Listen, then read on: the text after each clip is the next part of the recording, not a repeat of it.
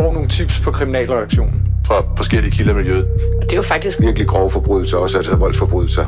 Hvad ser vidnerne i sagen? Hvem står bag? Hvad er motivet? Ja. konflikt imellem Forskellige grupperinger. Drab. Vold. Hævn. Hver uge vender vi aktuelle kriminalsager på Ekstrabladet.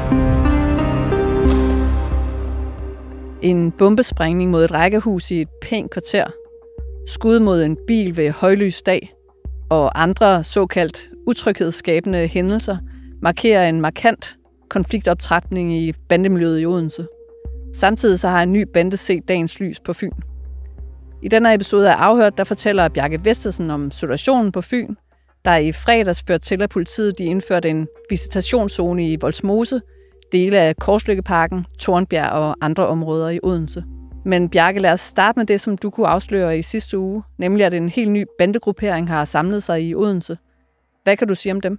Det er en bandegruppering, som er øh, centreret omkring et boligområde i Voldsmose, som hedder Egeparken. Egeparken var i øvrigt også det sted, hvor en uskyldig øh, 31-årig mand i 2020 blev skudt og dræbt, øh, mens der var skudveksling mellem to andre bandegrupperinger. Den nye gruppering, som kalder sig for VO, en forkortelse, meget fantasifuld kan man sige, for Voldsmose. Øh, en gruppering bestående af en 10-12 personer, som øh, har været i andre grupperinger tidligere. Der har tidligere været en gruppering, som hedder Bøgetorvsgruppen, som holdt til omkring Bøgetorvet og Bøgeparken. Egeparken ligger faktisk lige på den anden side. Kører man ind mod en parkeringsplads til venstre, kommer man til Bøgetorvet. Øh, kører man ind til højre, så kommer man til Egeparken. Og nogle af de personer, der er fra Bøgetorvsgruppen, går også igen i den nye gruppering VO. Så der er altså nogle gamle kendinge. Det er gamle kendinge, som er samlet i den her nye gruppering. Og nu er der jo så et aktuelt konfliktbillede. Spiller VO en rolle i den konflikt? Ja, øh, det gør VO øh, sammen med en anden øh, gruppering, som har været til stede i efterhånden ganske mange år i Odense, nemlig den gruppering, som hedder Nyborgvej. Forkortelsen er NBV for Nyborgvej, og også kaldt for Korslykkeparken, som er et boligområde med det, som man kalder for kilometerhusene. En lang række af højhuse øh, ud af Nyborgvej. Øhm, og det er personer, som øh, kommer fra den gruppering, der hed Black Army, som nedlagde sig selv i 2017.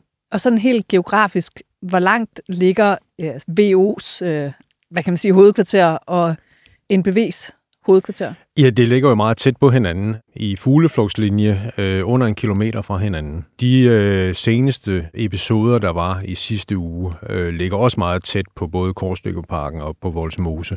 Så man kan sige, det er koncentreret omkring øh, de samme områder i den østlige og sydøstlige del af Odense. Kan man sige noget om nationalitet? Øh, VO består øh, primært af folk med arabisk baggrund. NBV øh, består af personer med arabisk-palæstinensisk baggrund. Og så er der en gruppering, som jeg ikke har nævnt her, nemlig øh, 900, som består af primært øh, personer med somalisk baggrund. Ja, 900 har vi jo tidligere talt om her i Afhørt. Nu nævner du ikke dem i det aktuelle konfliktbillede. Er de øh, helt ude? De har jo haft en øh, konflikt med NBV, faktisk ifølge Fyns politis analyseafdeling, øh, begyndende omkring december 2021, og som jo har eskaleret øh, siden da. Men jeg vil sige, hen over sommeren øh, fra foråret, øh, der har øh, 900 været klart i defensiven, og det har den, fordi lederen af 900 øh, er flygtet til udlandet efter vores oplysninger og vores kilder, så skulle han opholde sig i Spanien. Altså fordi han er efterlyst? Han er simpelthen efterlyst internationalt i en sag om, øh, om frihedsberøvelse i omkring 50 timer. En sag, som her senere i år, til december tror jeg det er, kommer til at køre ved retten i Odense. Men uden den her leder af 900, og uden tre andre, som også har forbindelse til 900, de er blevet varetægtsfængslet in absentia.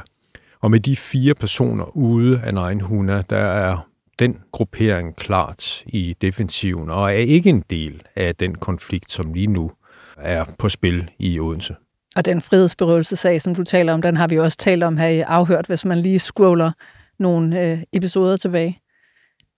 Fredag eftermiddag i sidste uge, der meldte Fyns politi jo så ud, at de har indført en visitationszone i Odense, hvad er baggrunden for det? Ja, det er, at Fyns politi kommer og indfører en visitationszone, er jo også øh, klart udtryk for, at der er en øh, bandekonflikt, som er ved at eskalere, og som politiet så vil forsøge at få, få sat en stopper for. Øh, den dækker øh, Voldsmose, den dækker Korstykkeparken, øh, den dækker nogle af de øh, konkrete side, øh, øh, steder, hvor, hvor grupperingerne de samles, eksempelvis på en parkeringsplads ved butikscentret Rosengårdscentret og foran IKEA. Og den dækker de steder, hvor der i sidste uge øh, var sammenstød mellem de her to grupperinger. Og det kommer jo, som sagt, for, for at forsøge at lægge en dæmper på, og det kommer øh, efter, at der i sidste uge var to konkrete episoder. Dels to skyderier øh, øh tirsdag i sidste uge, og så en øh, benzinbombe, som eksploderede foran et rækkehus i, på Lykken i fredags. Altså hvis vi tager de øh, episoder slavisk, som politiet jo også selv nævner i baggrunden for visitationszonen, så har vi først skudepisoden, der øh, sker mod en personbil. Hvad skete der mere konkret der? Ja, det er skud mod en personbil, hvor der sidder to, to personer fra den ene gruppering, og øh, der sker så et forsøg på flugt, altså de forsøger ligesom at køre væk, og, og mens de gør det, øh, bliver der også skudt øh, efter dem, og et af skuddene rammer faktisk en siderude i bilen, øh, som, som bliver knust. Der er ikke nogen personer, der kommer til, der kommer til skade. Nogle timer senere finder politiet faktisk både bilen og de to personer i bilen øh, ikke ret langt fra Voldsmose, og kan jo konstatere, at et skud har i hvert fald ramt bilen. På de to steder, hvor der faktisk bliver affyret øh, skud, der finder man også øh, patronhylstre, som jo også beviser, at, at det har været med skarpe skud og ikke, ikke løse skud. Det har ikke været for at skræmme, det har været for, for at ramme nogen. Øh, jeg tror, at det har været et tilfældigt møde mellem parterne. Det er jo sådan, som, som vi også tidligere har skrevet i, i Ekstrabladet, nemlig at den ene gruppering, den der hedder NBV, den seneste tid har optrappet deres såkaldte patruljekørsel, altså hvor de ligger og cruiser lidt rundt i byen og, og øh, stanser øh, personer i biler, som de mener kan tilhøre en anden gruppering. Og altså ligesom, på jagt efter fjenden? Det er simpelthen på jagt efter fjenden, ja. Og det er altså blevet intensiveret øh, her det seneste stykke tid. En praksis, de i øvrigt også tidligere har gjort, og hvor også nogle af NBV-medlemmerne faktisk blev dømt for et overfald på to somalier, som havde en meget, meget sporadisk relation til egen hunde på det tidspunkt. Altså noget, jeg også synes er altså, dybt bekymrende, det er jo, at den her skudepisode, den sker jo ved højlys dag. Altså så vidt jeg husker, kan det passe øh, halv fem om eftermiddagen? Den sker 16.25 tirsdag eftermiddag, på et tidspunkt, hvor børn, forældre, ældre er på gaden, på vej hjem fra arbejde, på vej hjem fra skole og fritidsordning osv. Øh, ved højlysdag. Og øh, det kvarter, som det er sket i, øh, det hedder Tornbjerg. Det er sådan et typisk øh, pænt, helt almindeligt dansk øh, villa-kvarter, hvor villaerne ligger side ved side, og hvor der normalt aldrig sker noget som helst. Og jeg kan godt forstå øh, de borgere, som i Tornbjerg, de er bekymret for, at det pludselig kan ske i deres kvarter også, fordi det er ikke noget, som, som, som vi historisk set mange år tilbage har, har set øh, ske i Tornbjerg. Nej, nej, og, nej, man ved jo aldrig, hvor de kugler de øh, havner.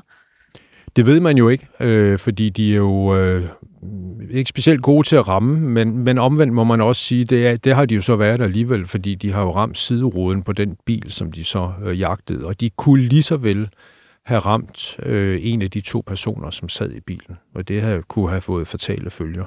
Og så omkring 60 timer senere, der øh, er der så en eksplosion i øh, et øh, villakvarter mod et rækkehus. Hvad sker der der? Ja, det er 60 timer, to og et halvt døgn øh, efter øh, skyderierne i Tornbjerg, øh, 300-400 meter derfra på noget, der hedder Bredærlykken, som også er et stille og roligt kvarter, og hvor der ellers ikke normalt overhovedet sker noget øh, af betydning kriminelt. Så har vi en benzinbombe, som eksploderer foran et rækkehus, øh, hvor øh, vi ved, at der bor familiemedlemmer til et, øh, til et bandemedlem.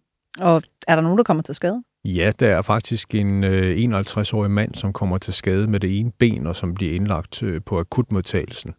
Og når det er de her tilspidsede situationer, som, som det var øh, fredag morgen, øh, eller natten til fredag var det, øh, så sker der jo også det, at, at, at for at forhindre det, der hedder et stormløb på sygehuset på Odense Universitetshospital, som det skete tidligere, hvor uvedkommende forsøger at trænge ind og trænge ind til den sårede person, øh, så foretager øh, politiet en skallukning. Og en skallukning, det vil sige, at der står betjente øh, ved alle indgange til øh, hospitalet og visiterer alle, som har eller som forsøger at komme ind og som har et ærne inde på, inde på sygehuset. Den her skallukning øh, stod på i nogle timer, og den illustrerer også meget godt den alvor, der er omkring den situation, der er i Odense i øjeblikket. Altså, det var simpelthen for at undgå, at der kom et, et raid, hvor man enten skulle uh, trænge ind til, til den sårede, eller måske eventuelt også uh, familiemedlemmer, som ifølge dine oplysninger så har forbindelser til bandemiljøet. Altså skrækscenariet øh, fandt sted for en del år siden efter et knivstikkeri øh, ved afslutningen på ramadanen, øh, hvor der var øh, noget cirkus og forskellige andre øh, øh, ting på et, et torv lige ved siden af øh, et butikscenter i Volsmose. Der var en person, der blev stukket med kniv, og som så blev øh, kørt til akutmodtagelsen på Odense Universitetshospital. Og der forsøgte 60-70 personer faktisk at storme ind, og det lykkedes også nogen at komme ind på hospitalet, og sygeplejersker og læger, de måtte jo gemme sig øh, i øh, de rum, hvor, hvor de kunne låse sig inde, øh, simpelthen for at øh, forhindre øh, en konfrontation med de her indtrængende personer. Siden da har Fyns politi jo været meget ops på den her skallukning, når der har været alvorlige øh, situationer. Og så alvorlig en situation var det så til, siden, til synlædende der fredag morgen, hvor man foretog den her skaldlukning. Det er jo ikke helt klart, hvilken bande, eller præcis hvem det er, der står for det ene, og hvem der står for det andet. Men vi ved, at der er 60 timer imellem skudepisoden og eksplosionen. Altså ved vi, om det ene var hævn for det andet? Det er helt klart, at det ene var hævn for det andet, ja. Og øh, derfor så tror jeg også, at øh, forventningen, øh, frygten for, at der kommer et nyt øh, hævnangreb, øh, ligger lige for. Øh, det skal jo hævnes, det der jo sket på Bredere Lykken, og den 51-årige, som altså kom til, øh, der kom til skade. Og det er jo så det, som politiet forsøger at forhindre med den her visitationszone.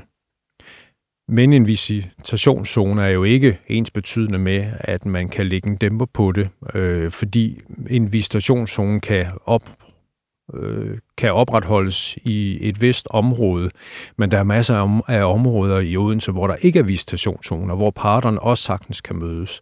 Og sker der så noget, eller sker der ikke noget under en, en visitationszone? Jo, det gør der, fordi tilbage i 2020 med øh, Abdinur Mohammed Ismail, Øh, der var faktisk en visitationszone i Voldsmose på det tidspunkt, da de her to grupperinger de skød mod hinanden og dræbte Abdinur. Så der kan sagtens ske noget, selvom der er indført en visitationszone. Ja, så man kan sige, at øh, det giver politiet mulighed for at visitere folk uden at have en øh, grund, og det kan måske også øh, skaffe nogle våben øh, til veje, men det er jo nogle mobile bander, kan man sige, ikke? Ja, det er det, og samtidig så, så, så kan man se, hvor mange, eller rettere, hvor få våben politiet rent faktisk konfiskerer, mens der er visitationszone. Det er ikke ret meget, der er blevet konfiskeret gennem årene i Odense, fordi banderne jo selvfølgelig enten holder lav profil, eller kører andre steder hen. Og da man ikke kan indføre visitationszone i hele Odense by som sådan, men kun i, om, i, øh, kun i nogle områder, jamen så kan de jo sagtens færdes i i andre områder. Jeg har kendskab til mange af de steder, hvor de også mødes, hvor der ikke er visitationszone. Det kunne for eksempel være på havnen, hvor også parterne indimellem også mødes, hvor de også kommer til konflikter. For dem, der ikke er så stærke i den øh, odenseanske geografi, kan du så ikke lige tage os igennem her til sidst udstrækningen af visitationszoner, og hvorfor det er, at politiet lige har tegnet grænsen her? Jamen, vi har øh, omkring Voldsmose, øh, den her bydel i Odense, som jo øh, er kendt for, for, for, for ganske mange øh, overfald og vold og, og drabsforsøg og drab. Øh, vi har en øh, havekoloni, som ligger lige nord for, som hedder Mar- øh, Martins Minde, hvor der angiveligt skulle være gravet våben og narko ned. Vi har ned omkring Korslykkeparken, det er der, hvor NBV og Nyborgvej holder til. Så har vi ned omkring Tornbjerg og Lykken, og så har vi ind mod et område også, hvor Rosengårdscenteret og IKEA ligger. Øh, meget, meget, meget kort sagt, så er det faktisk den østlige del og sydøstlige del af Odense. Men faktisk et uh, ret stort område. Det er et langt større område, end det har været ved tidligere visitationszoner, som Fyns politi har indført. Og det er i kraft af de her to seneste episoder, der fandt sted i sidste uge. Og så er det, at politiet de skriver, at der jo er taler om folk, der netop er særdeles mobile og hele tiden flytter sig og har tilholdssted forskellige steder. Ja, og som viser den her voldsparathed, uanset hvor det er henne, om det er mellem børn, ældre, forældre osv. i nogle af de her villakvarterer, eller om det er andre steder, så har de den her voldsparathed over for hinanden. Og visitationszonen den udløber 6. oktober kl. 17, men kan jo forlænges, hvis politiet stadig mener, at der er en voldelig konflikt i gang. Tak fordi du var med her, Bjarke. Velbekomme.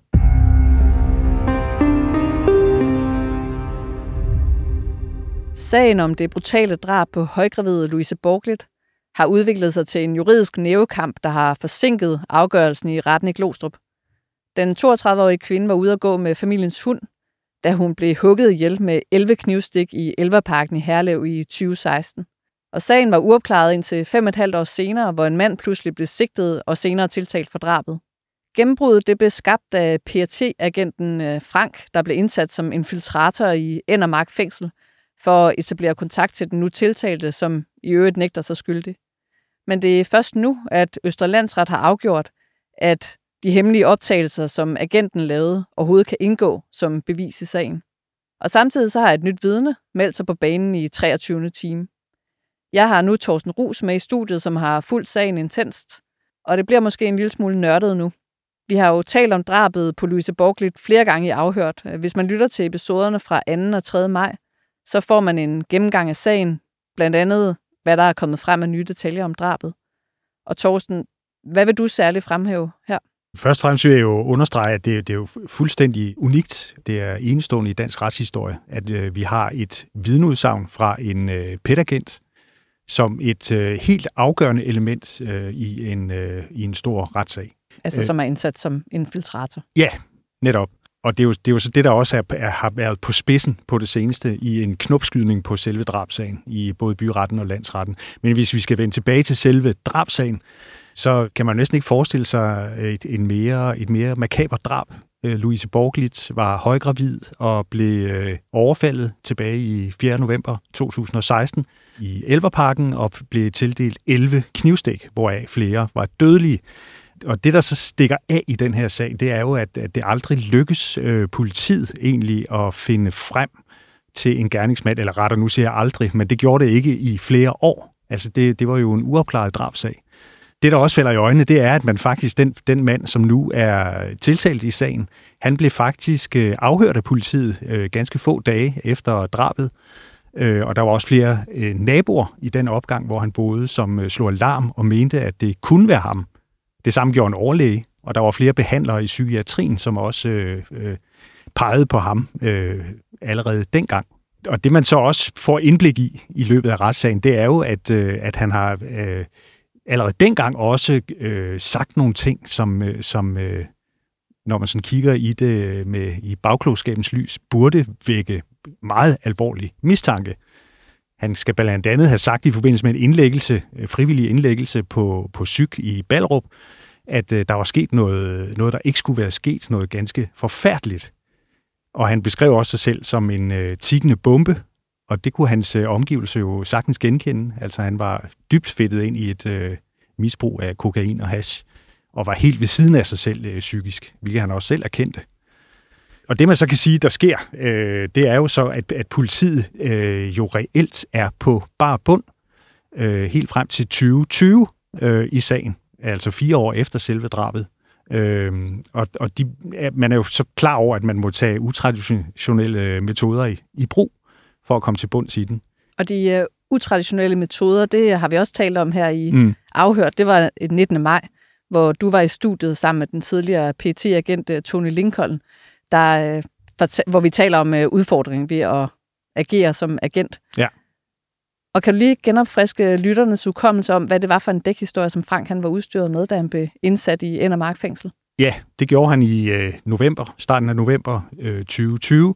Og hans dækhistorie var jo skræddersyet, kan man sige, øh, til den, til den øh, konkrete sag. Han var varetægtsfængslet, øh, forklarede han den nu tiltalte mand, for en sag i Grønland, som handlede om noget narkotika. Og det er ikke tilfældigt, at man vælger Grønland. Øh, det, det kan jo være ganske svært at opspore og ligesom fælde ham på, så at sige. Øh, og så kom det også frem i løbet af samtalerne med øh, den, øh, den nu tiltalte mand i fængslet i Endermark i Jylland, at, øh, at han skulle have stukket en kvinde ned i øh, Portugal. Og altså agenten Frank, han sagde, at han var sluppet godt for et drab på en kvinde Ja. i Portugal. Lige præcis. Og det er klart, at øh, ordene kniv og kvinde og drab jo er nøgleord i øh, Louise Borglitz-sagen. Så det var jo set fra agentens synsvinkel et middel til at komme øh, ind på drabet i Elverparken på Louise Borglitz. Han skulle simpelthen hurtigt etablere en kontakt til Ja. den nu tiltalte. De skulle på en eller anden måde forstå hinanden. Og det lykkedes øh, på ganske kort tid, øh, agenten at overbevise øh, den nu tiltalte mand om, at, øh, at han var god nok. Ja, fordi det er jo i alt blevet til 73 øh, skjulte optagelser, som er Mm. blevet øh, afspillet i retten i Glostrup. Men det er først nu, at øh, Østerlandsret har taget stilling til, om de her optagelser overhovedet kan indgå som øh, bevis i sagen. Men lad os så vende blikket mod den nyeste udvikling i sagen. Mandag der afsagde Østerlandsretten kendelse i sagen, der handlede om, øh, hvorvidt agentens optagelser, altså agentens optagelser, rumaflytninger fra tiltaltes celle og rumaflytninger fra besøgsrummet i Nørresnede fængsel, hvor tiltalte og infiltratoren havde samtaler om, de kunne bruges som bevis i straffesagen. Ja. Og hvad nåede de frem til? Jamen, landsretten nåede frem til, at, øh, at optagelserne og agentens ageren som vidne er fuldstændig inden for, for lovens rammer, og øh, at, at de ikke krænker øh, den tiltalte mands rettigheder. Øh, og så det vil sige, det er, jo, det er jo en fuldstændig udstrakt hånd til anklagemyndigheden i den her sag. De siger simpelthen, at alt kan bruges. Det gør de. Og de argumenterer jo med, at øh, sagen ikke alene afhænger af, om man afspiller de her optagelser øh, øh, som led i bevisførelsen. Altså, der er også andre ting, som vi tidligere har været inde på, der kunne pege på den tiltalte som gerningsmand. Så optagelserne er ikke det eneste og det afgørende Nej. bevis i sagen. Og det har også været en vigtig del af, af specialanklager Bo Bjergårds øh, argumentation. Og det har så til synligheden gjort øh, indtryk på landsrettens dommer. Ja, fordi hvis du lige skal pinde ud, altså hvad er egentlig problemet, det potentielle problem med de her optagelser? Jamen, hvis man skal forklare det meget enkelt, så var han jo ikke på daværende tidspunkt øh, sigtet for drab. Øh, og når man er sigtet, så har man visse rettigheder. Man, man har ret til at få en advokat som bisider, og man har ret til at vide præcis, hvad det er, øh, en politimand eventuelt vil afhøre en om. Og så er der jo også det forhold, at, øh, at det ikke i Danmark er lovligt at benytte sig af agentprovokatør-metoder. Det vil sige, at man må ikke fremprovokere en, øh, en tilståelse. Og hvis, hvis man, øh, den mand, man snakker med, siger nej, det vil jeg ikke tale om, så skal man på stedet øh, øh, vige tilbage. Efter man kan jo sige, som uh, sigtet i Danmark, der er man jo ret til ikke at, det, der hedder at inkriminere sig selv. Ja. Man har også ret til ikke at udtale sig. Ja. Men når man ser på landsrettens uh, kendelse, så finder de jo faktisk, at der er noget, der er på vippen i uh, enkelte af samtalerne. Altså de Ja. nævner den 18. november 2020 og den 21. november 2020 om formiddagen, der har infiltratoren og den nu tiltalte en, øh, en samtale. Og det siger de jo sådan set, at isoleret set, der antager de samtaler karakter af en afhøring. Og det må jeg jo sige, det kan jeg jo sagtens øh, tilslutte mig som neutral jagttager. Nogle gange må, må man jo også øh, øh, tage bestik af, hvad man hører og ser. Altså, jeg hørte jo øh, de der bånd i sin tid i øh, retten, og, og jeg vil da også sige, at jeg synes, han presser meget på og bliver ved og ved at vende tilbage til et spørgsmål om, øh, om at bruge kniv. Øh, og man kan sige, det der, det der jo er særligt ved øh, Louise Borglitz-sagen, det er, at hun rent faktisk nærmest delvis får skåret næsen af i forbindelse med det her drab i Herlev.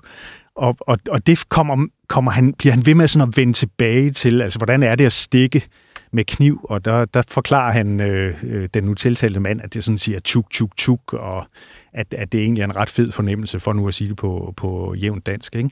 Øh, og også det der med, at han, han forklarer, at han fik krampe i hånden, fordi han gentagende gange stak med kniv, og så videre. Og det er jo indlysende, at det, øh, det vækker jo mindelse om det, der skete, øh, det forfærdelige i Elverparken i Herlev.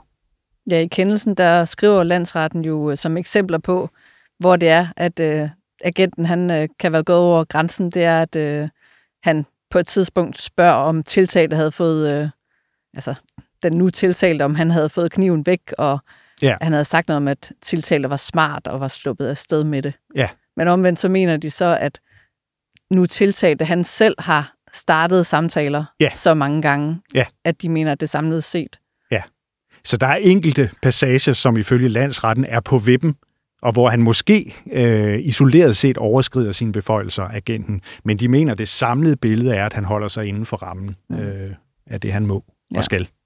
Og det skal jo så samlet ses også en afvejning af det offentliges interesse i strafforfølgning, efterforskning af forbrydelser, Ja. og selvfølgelig den anklagedes interesse i, at beviser bliver tilvejebragt på en, en lovlig måde. Ja. Men nu er vi så i den her situation, at landsretten har godkendt, at det kan føres som bevis. Mm. Er det så endegyldigt? Øh, Det tror jeg ikke, det er. Altså, min vurdering er, og det, det understøttes også af et, et interview med Jørgen Vestergaard, som er, som er lektor, eller hvad hedder det, professor emeritus i strafferet, og sådan en meget autoritativ stemme i debatten.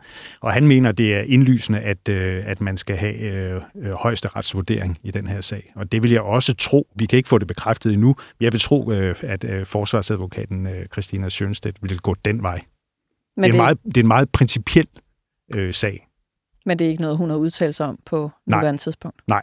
Nu er det jo altså historisk, at man har indsat en pt agent som er sket i den her sag.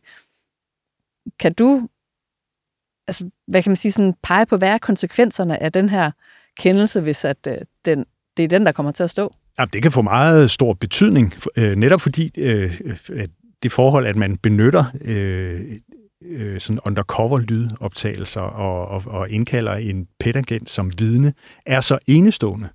Øh, så kan man sige, så, så, så vil det her jo være øh, en udstrakt hånd til, øh, til både anklagemyndigheden og PET og politiet. Altså, det er i orden at gå den vej, når man har en alvorlig mistanke om, at en konkret øh, afsoner, for eksempel, som i den her sag, kan være skyldig i for eksempel drab. Ja, fordi det er vel det, der er faktum i den her sag, at politiet de øh, stod lidt stille. Altså, de havde en mistanke, men de kunne simpelthen ikke nå nogen vegne. Det var Nej. derfor, de... Altså, der var ikke, de, de havde ikke andre øh, veje at gå. Altså, man kan sige, de havde, de havde selvfølgelig nogle indikationer, øh, og kunne muligvis også indhente nogle indirekte vidner, men ingen så, hvad der skete dengang. Man har aldrig fundet et gerningsvåben. Der er ingen DNA-spor, ingen fingeraftryk, der knytter den tiltalte til gerningsstedet, og ingen teleoplysninger, der, der sådan kan dokumentere, at han skulle have været i nærheden. Thorsten, du fulgte jo øh, sagen i Østerlandsret, da de øh, procederede forsvar og anklager Mm. øh, om, hvorvidt øh, de her beviser de skulle øh, godkendes. Var den tiltalte til stede der? Ja. Ja. Hvordan øh, oplevede du ham der? Jamen, øh, altså, han gør jo, han har jo helt tydeligt det der behov for at forsøge at kontrollere øh, folk omkring sig. Nu er jeg den eneste journalist, der var til stede ved den øh, lejlighed, og han, øh, han nedstirrede mig øh, meget øh, konsekvent og igen og igen, uden sådan rigtig at, at ville flytte blikket. Altså, det, øh, jeg forsøgte så at smile tilbage til ham. Øh, det, det udløste ikke et smil fra hans side. Altså, han forsøger sådan meget at intimidere sine omgivelser. Det er tydeligt for mig. Og hvordan er stemningen egentlig i øvrigt i retten mellem forsvar og anklager? Fordi det er jo blevet altså virkelig en juridisk øh, tvikkamp, det her. Ja, men de står meget skarpt over for hinanden. Altså, der, er ikke, der, der bliver ikke sådan ud... øh, Det er jo ikke sådan, at de, de hygger sig i situationen overhovedet. Det, der er en professionel distance, og de går benhårdt efter hinanden. Altså, hvis, hvis Bo Bjergård, øh, specialanklageren, måske fortaler sig en anelse, så bliver det med det samme registreret hos Christina Sjønstad, som så øh, over for dommeren påtaler øh, hans måde at agere på i retten. Man kan tydeligt mærke, at det, der er store interesser på spil i den her drabsag. Og mens du så sad der i Østerlandsret, så kom øh, anklageren jo pludselig med overraskende nyt. Okay. Ja, det må man sige. Altså, han, øh, han vil jo gerne have oplæst øh, en øh, fra politirapporten, øh, hvor man øh, et nyt vidne, øh, som har kendskab til, øh, til den nu tiltalte mand fra afsoning i Vesterfængsel. Øh, han er kommet på banen hen over sommeren, øh, og han skulle ifølge Bo Bjergård øh, have sagt øh, ved den lejlighed, altså den tiltalte til vidnet, at øh, han havde slået Louise ihjel. Det er jo et meget interessant vidneudsagn. Og der besluttede så øh, retsformanden i landsretten, at det skulle man måske gå dybere ind i i forbindelse med kendelsen. Men øh, man kan forestille sig, at det vil, øh, når, når byretssagen nu fortsætter, så vil øh, det vidne blive øh, indkaldt, tænker jeg. Selvom bevisførelsen egentlig er slut i Ja. byretten. Ja, men man kan sige, ja, det, bevisførelsen er, er principielt afsluttet, øh, og, og da, da drabsagen blev sat på pause, der var det, man manglede, det var procedurer og personlige oplysninger, og så i, i dybest set en dom.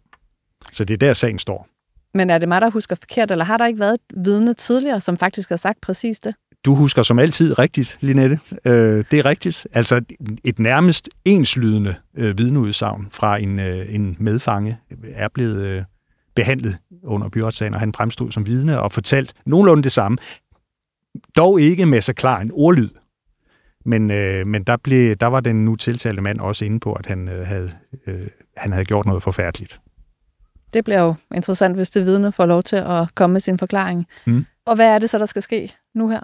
Jamen, det er jo spændende. Det er vi jo alle sammen spændt på. Altså, det, øh, det afhænger noget af, vil jeg tro, om, øh, om vi nu skal have en afgørelse fra højesteret. Men der er, øh, i, i, mens vi taler sammen, så er der jo stadigvæk øh, berammet to retsdage, og, og så vidt jeg er orienteret, så gennemfører man onsdag et nyt retsmøde øh, i sagen. Altså Men, onsdag den øh, 27. september? Lige præcis. Og der vil jeg tro, man lige vender øh, den her kendelse, og hvad der så videre skal ske, og så vil man måske få lejlighed til at høre det nye vidne. Men øh, proceduren er udskudt på ubestemt tid. Jeg ved, at du i hvert fald kommer til at følge den her sag nedkært. Det, det kan du stole på. Tak for gennemgangen, Thorsten. Velbekomme. Det var afhørt for denne gang. Tak fordi I lyttede med, og tak til Rasmus Søgaard, som producerer programmet.